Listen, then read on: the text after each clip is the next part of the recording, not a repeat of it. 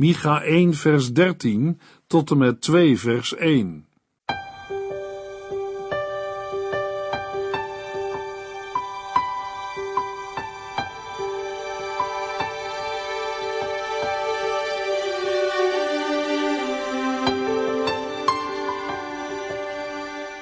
Hartelijk welkom bij De Bijbel Door, een programma van Transworld Radio. De Bijbel Door is een radioserie die u in vijf jaar meeneemt door de hele Bijbel. Van Genesis 1 tot Openbaring 22.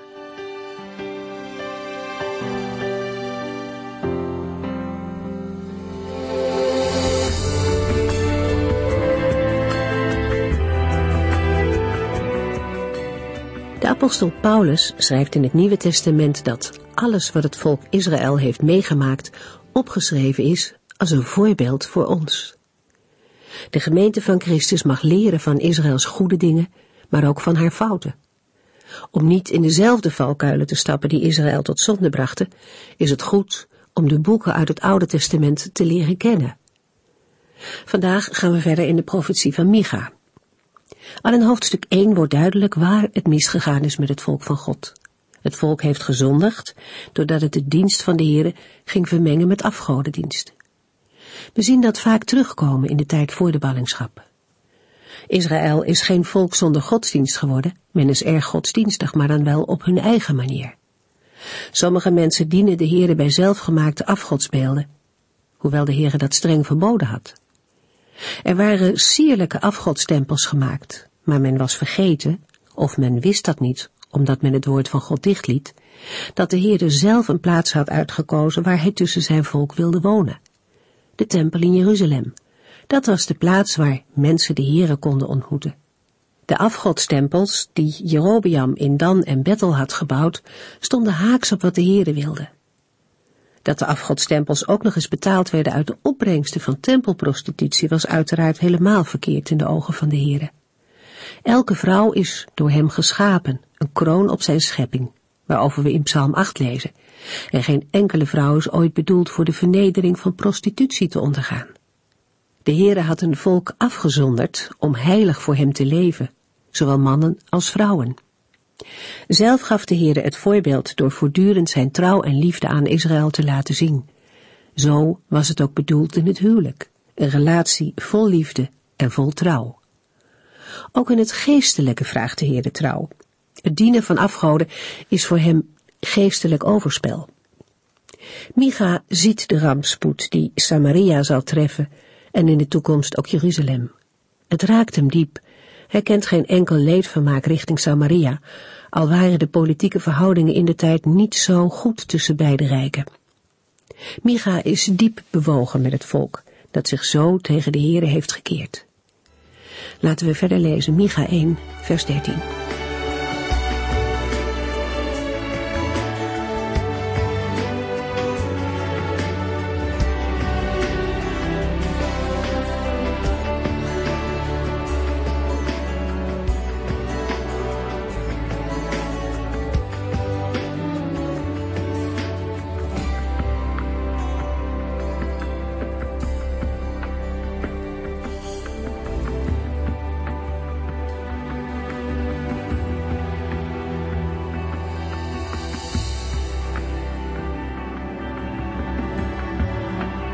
In de vorige uitzending stonden we stil bij een aantal woordspelingen. In vers 10 begon het al met de naam van de plaats Gad.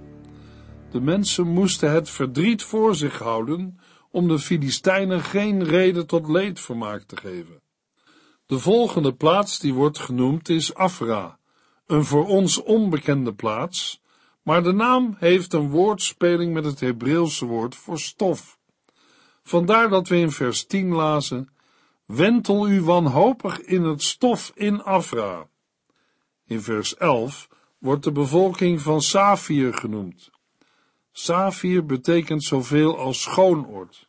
Van de bevolking van Safir wordt gezegd dat zij als slaaf wordt weggeleid, naakt en vol schaamte. In vers 11 vinden we geen woordspeling, maar een sterke tegenstelling tussen de plaatsnaam en de toestand waarin de bevolking in ballingschap zou gaan. In vers 11 wordt ook de naam Saanan genoemd. Ook deze plaats is ons onbekend.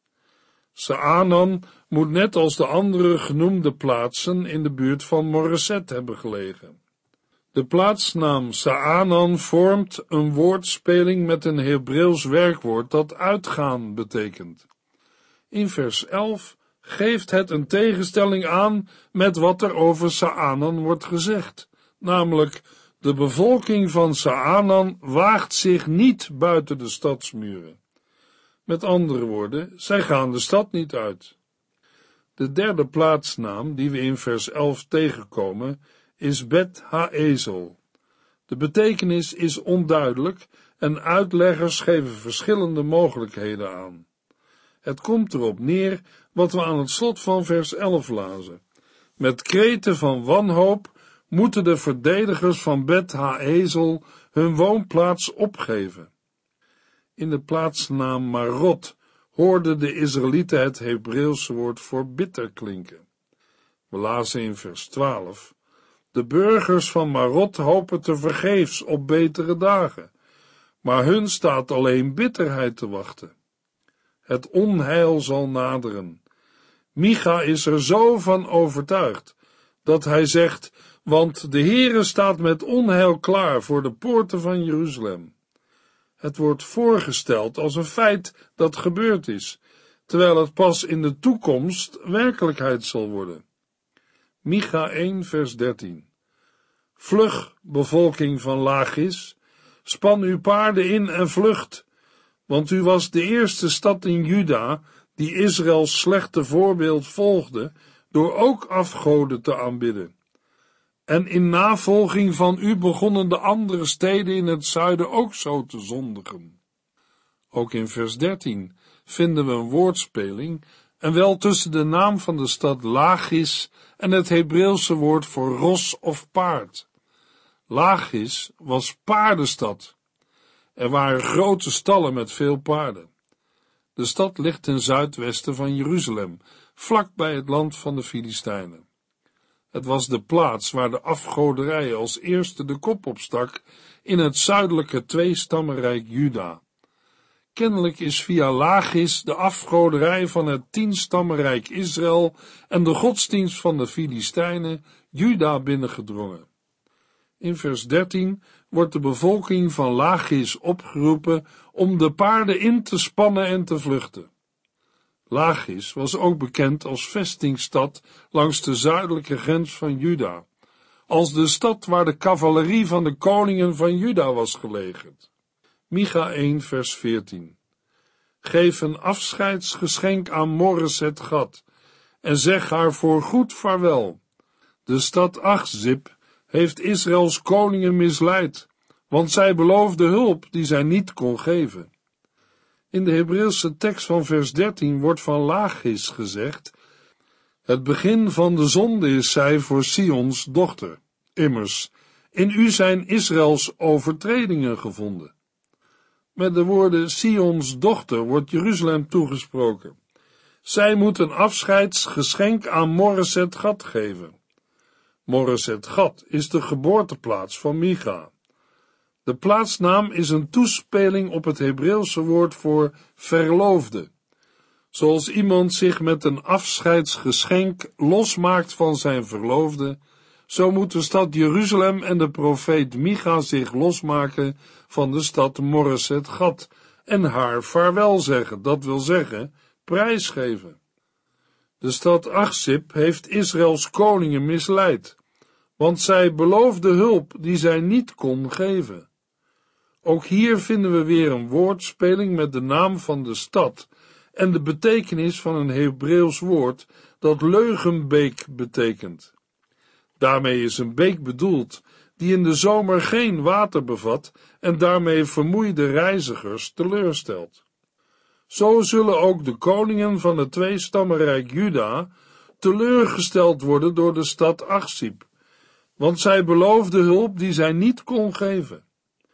Achsip was ook de stad van de koninklijke pottenbakkers.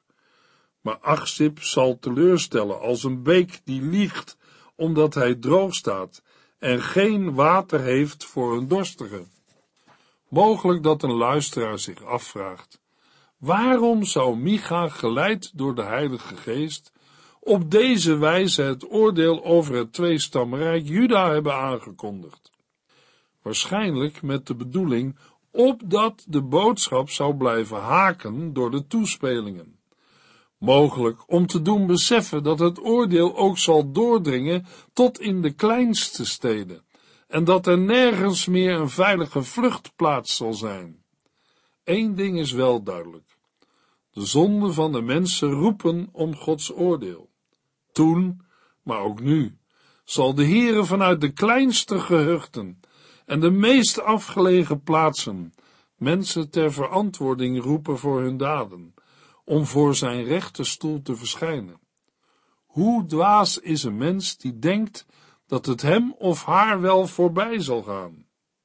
Zeker, in de tijd van Micha is de stad Jeruzalem nog gespaard gebleven. De stad is wel belegerd door Sanherib, de koning van Assur, zelfs tot tweemaal toe. Maar tot tweemaal toe is de Heere genadig geweest en heeft hij Jeruzalem op een wonderlijke manier verlost. Toch heeft de bevolking van het platteland en de steden rondom Jeruzalem behoorlijk te lijden gehad onder het Assyrische geweld. Niet alleen ten noorden van de stad, de route waar langs het leger naar Jeruzalem kwam, maar ook ten zuiden en in het zuidwesten, het gebied waaruit Micha zelf afkomstig was. We gaven al aan dat in Lachis Sanherib een tijd lang zijn hoofdkwartier had gevestigd. En er is weinig fantasie voor nodig om ons voor te stellen hoeveel de inwoners van Lachis en de omliggende steden en het platteland hebben geleden onder de rovende en plunderende soldaten die het land afstroopten op zoek naar voedsel en buit. Velen zijn toen net als de bevolking van het Tienstammenrijk gevangen genomen en weggevoerd in ballingschap. Micha 1 vers 15 Bevolking van Maresa u zult nog eens ten prooi vallen aan uw vijanden. Israëls leiders zullen naar Adullam vluchten. Maresa is een plaatsnaam die te maken heeft met een Hebreeuws werkwoord dat erven betekent. Maar met de woorden, u zult nog eens ten prooi vallen aan uw vijanden, Israëls leiders zullen naar Adullam vluchten, wordt duidelijk dat er een andere erfgenaam zal komen die de stad zal veroveren en in bezit nemen. We lezen in vers 15 ook nog een heel bekende naam uit de Bijbel, namelijk Adullam. Het is al een hele oude naam die we al in het eerste Bijbelboek tegenkomen. We vinden de naam al in Genesis 38 in de geschiedenis van Juda en Tamar.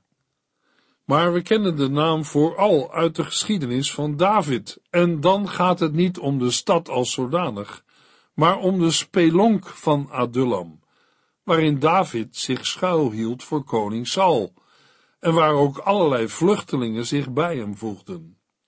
Daaraan zullen we ook moeten denken als we de bedoeling van het slot van vers 15 proberen te begrijpen. Bij de woorden Israëls leiders zullen naar Adullam vluchten, valt te denken aan belangrijke personen, mensen die leiding geven. Dan houden de leiders van het volk zich schuil in de spelonk, die al bekend was uit de tijd van de grote koning David. Maar er is wel een groot verschil. Toen David er was, was het ook een angstige en bange tijd, maar de Heer was er ook. Nu, in de dagen van Micha, kunnen de mensen dat niet zeggen. We lazen, u zult ten prooi vallen aan uw vijanden. Daarbij wordt het bevestigd door de woorden van Micha 1 vers 16, waar we lezen, Ga in diepe rouw over uw troetelkinderen, want zij worden van u weggehaald en als slaven naar verre landen gestuurd. Scheer uw hoofd kaal als teken van verdriet Maak een kale plek zo groot als die van een gier.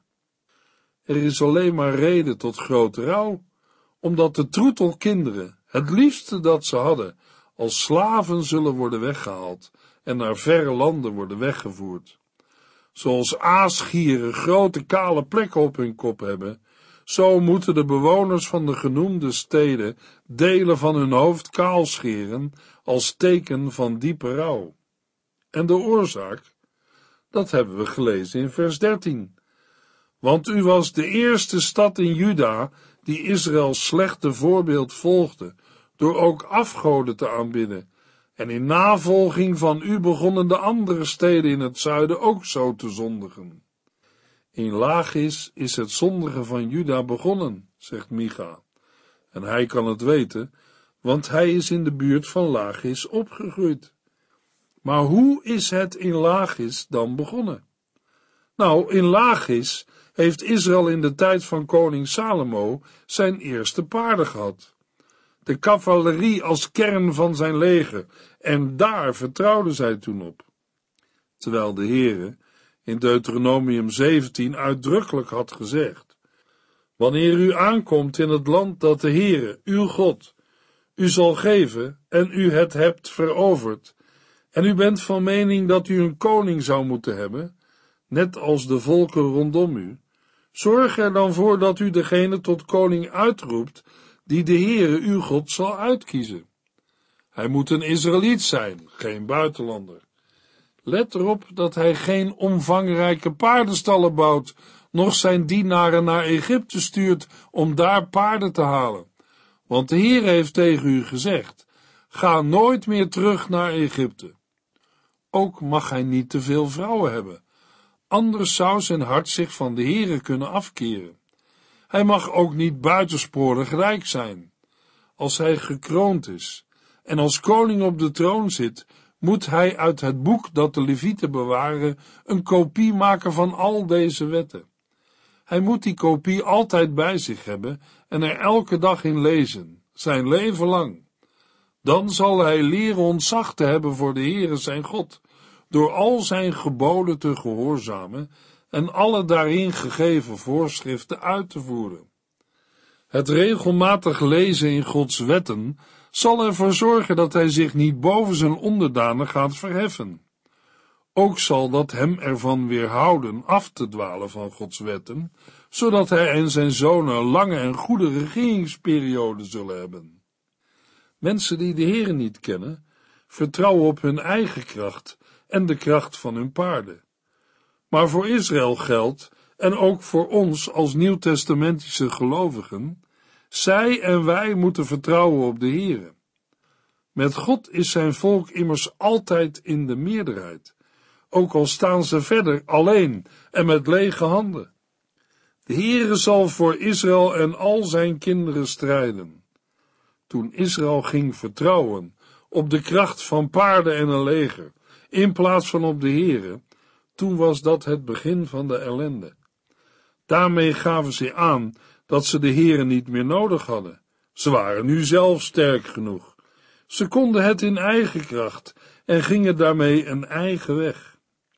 In Psalm 20, vers 8 tot en met 10 zegt David: Sommige mensen verwachten alles van hun strijdwagens, anderen snoeven over hun paarden. Maar wij stellen onze verwachting op de naam van de Heere, die onze God is. Die anderen komen allemaal ten val, maar wij blijven overeind en kunnen stand houden. Och Heere, geef onze koning de overwinning. Ik bid dat de Heere zal antwoorden wanneer wij tot hem roepen. Maar van zo'n houding is bij het volk Israël in de tijd van Micha niets te vinden. Zij geloven er ook niets van dat de Heer Jeruzalem in de handen van de vijanden zal laten vallen en zij in ballingschap zullen worden weggevoerd, net zoals het tienstammenrijk Israël. Maar Micha weet het zeker. Hij zegt, ga in diepe rouw over uw troetelkinderen, want zij worden van u weggehaald en als slaven naar verre landen gestuurd.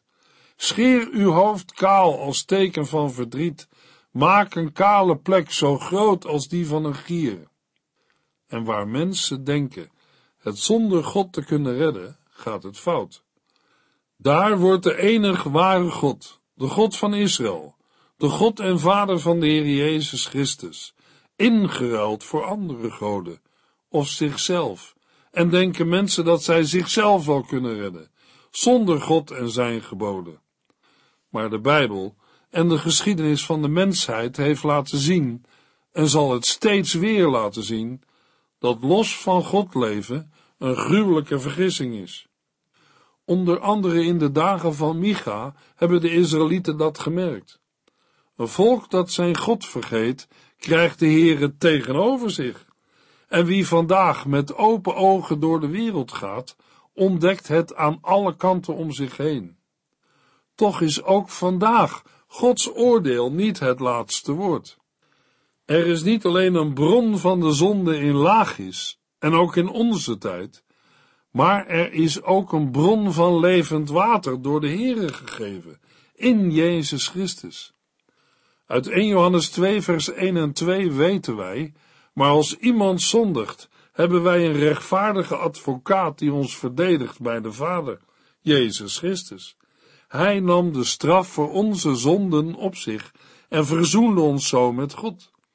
Hij is het offer voor onze zonden, en niet alleen voor de onze, maar ook voor die van de hele wereld. Micha beschrijft in het laatste vers van hoofdstuk 1 het verschrikkelijke verdriet van ouders die hun kinderen zagen wegvoeren als slaven naar een ver land. Dat gebeurde in die tijd regelmatig, zowel uit het tienstammenrijk Israël als ook uit het tweestammenrijk Juda. Het was het ergste toen de landen volledig werden veroverd. Het tienstammenrijk Israël in 722 voor Christus en het tweestammenrijk Juda in 586 voor Christus. Micha 2 vers 1 Wee hun die onrecht beramen en op hun bed allerlei boze plannen uitdenken. Vroeg in de morgen staan ze op om ze uit te voeren. Niemand zal dat verhinderen, omdat het in hun macht ligt het te doen. In hoofdstuk 2 keert Micha zich tegen de hebzuchtige grondbezitters. Grondbezitters die hun bezit almaar willen uitbreiden en menen dat daarvoor alle middelen geoorloofd zijn. De profeet Micha kondigt hun het strenge oordeel van de Heer aan. De boeren en landarbeiders van het platteland zullen zich geërgerd hebben aan de praktijken van deze hebzuchtige grondbezitters. Zij waren immers de dupe van hun hebzuchtige praktijken. Micha ziet in deze praktijken een van de oorzaken van de ondergang van het volk. In vers 1 richt de profeet zich rechtstreeks tot de aanzienlijke, tot de hebzuchtige grondbezitters. In de nacht lagen zij wakker van het denken, hoe zij nu weer met allerlei slinkse streken zichzelf konden bevoordelen door anderen hun bezit afhandig te maken. David schrijft over zulke mensen in Psalm 36. Hij noemt hen zelfs goddelozen. We lezen in Psalm 36, vers 1 tot en met 5. Van David, de dienaar van de Heere, voor de koordirigent. De zonde beïnvloedt de goddeloze. Ze hebben geen enkel ontzag voor God. De goddeloze denkt heel wat van zichzelf, totdat het zover is dat zijn zonden aan het licht komen. Dan wordt hij een gehaat man. Alles wat hij zegt is slecht en bedrieglijk. Verstandig en goed handelen is er niet bij. Zelfs in bed bedenkt hij nog allerlei kwaad. Hij bevindt zich op de verkeerde weg en stelt zich open voor alles wat slecht is. Daartegenover is de Heere heel anders. Dat kunt u lezen in het vervolg van Psalm 36. In Psalm 149 vinden we het tegenovergestelde. We lezen in Psalm 149, vers 5 en 6. Laten de gelovigen hem eren en voor hem jubelen. Zelfs als zij in bed liggen, juichen zij nog over hun God. In hun mond zijn de lofprijzingen voor God. In hun handen hebben zij een tweesnijdend zwaard. In het Nieuwe Testament lezen we ook over een tweesnijdend zwaard, maar dan als beeld van het woord van God. We lezen in Hebreeën 4, vers 12 en 13, want het woord van God is levend en vol van kracht. Het is scherper dan een tweesnijdend zwaard. Het dringt zo diep door dat het alles in ons van elkaar lossnijdt, zelfs onze diepste gedachten en verlangens. Daardoor wordt duidelijk wie wij werkelijk zijn. God weet alles over iedereen. Alles in en om ons ligt open en bloot voor zijn ogen. Niets kan verborgen blijven voor hem, aan wie wij verantwoording moeten afleggen voor alles wat wij hebben gedaan. En dat geldt ook voor de hebzuchtige grondbezitters uit de tijd van de profeet Micha. Als ze s'avonds naar bed gaan, gaan ze niet slapen, maar liggen te bedenken hoe ze hun boze plannen kunnen uitvoeren. Micha schrijft, vroeg in de morgen staan zij op om ze uit te voeren. Niemand zal dat verhinderen, omdat het in hun macht ligt het te doen. Het wil zeggen dat zij in staat zijn uit te voeren wat ze hebben bedacht. Bij deze dingen is de wortel van het probleem dat geld hebben macht betekent. Als mensen die niet met God rekenen en alleen op zichzelf gericht zijn, de macht in handen hebben, zijn ze ook in staat hun plannen door te voeren. Het ligt in hun macht om het te doen. In 1 Timotheus 6, vers 6 tot en met 10 lezen we wat de levensstijl van een gelovige moet kenmerken. Paulus schrijft aan Timotheus: Het leven met God brengt veel op. Zeker als je ook tevreden bent met wat je hebt. Per slot van rekening hebben wij bij onze geboorte niets meegebracht. En als wij sterven, zullen we ook niets kunnen meenemen. Als we ons kunnen voeden en kleden, moet ons dat genoeg zijn. Maar wie graag rijk wil worden, komt al gauw in verleiding en raakt verstrikt in de begeerte naar onnodige en verkeerde dingen en gaat tenslotte verloren. Want de liefde voor het geld is de eerste stap naar allerlei andere zonden. Sommige mensen hebben zich daarvoor zelfs van God afgekeerd en zich veel ellende op de hals gehaald. De zonden die Micha aanwijst, zijn tegelijk een waarschuwing om God niet los te laten, maar hem te gehoorzamen naar de woorden die de Heer heeft gegeven in zijn woord, in de Bijbel. In hoofdstuk 2 wijst de profeet zonde aan die mensen tegen elkaar begaan. In het eerste hoofdstuk ging het vooral om zonde in de relatie met God. De profeet Jezaja schrijft in Jezaja 55 vers 1 Is er iemand die dorst heeft? Kom dan maar hier en drink, ook al hebt u geen geld. Kom hier en kies uit wat u wilt drinken, wijn of melk. Alles is gratis. En in vers 3a zegt de Heere, Kom hier bij mij en zet uw oren goed open. Luister, want het gaat om het welzijn van uw ziel. Laten we luisteren en handelen naar Gods woord. In de volgende uitzending lezen we verder in Micha 2.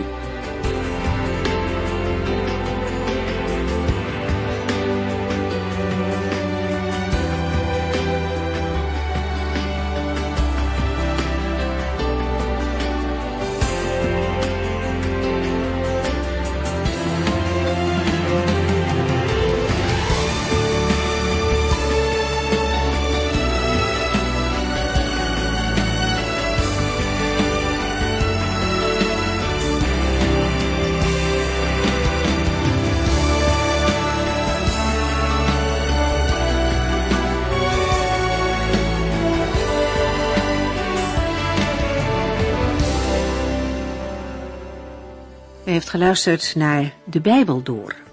In het Nederlands vertaald en bewerkt door Transworld Radio. Een programma waarin we in vijf jaar tijd de hele Bijbel doorgaan. Als u wilt reageren op deze uitzending of u heeft vragen, dan kunt u contact met ons opnemen. Tijdens kantooruren kunt u bellen op 0342 47 8432. 0342 47 8432. 32. Ook kunt u een e-mail sturen naar de Bijbel door transworldradio.nl en natuurlijk kunt u ook via de post ons bereiken. TWR, postbus 371, postcode 3770, AJ in Barneveld. Dit programma werd gepresenteerd door Corweda en Ike André. Techniek was in handen van Odin van Woerdenkom. En namens ons allemaal bedanken we u van harte voor het luisteren.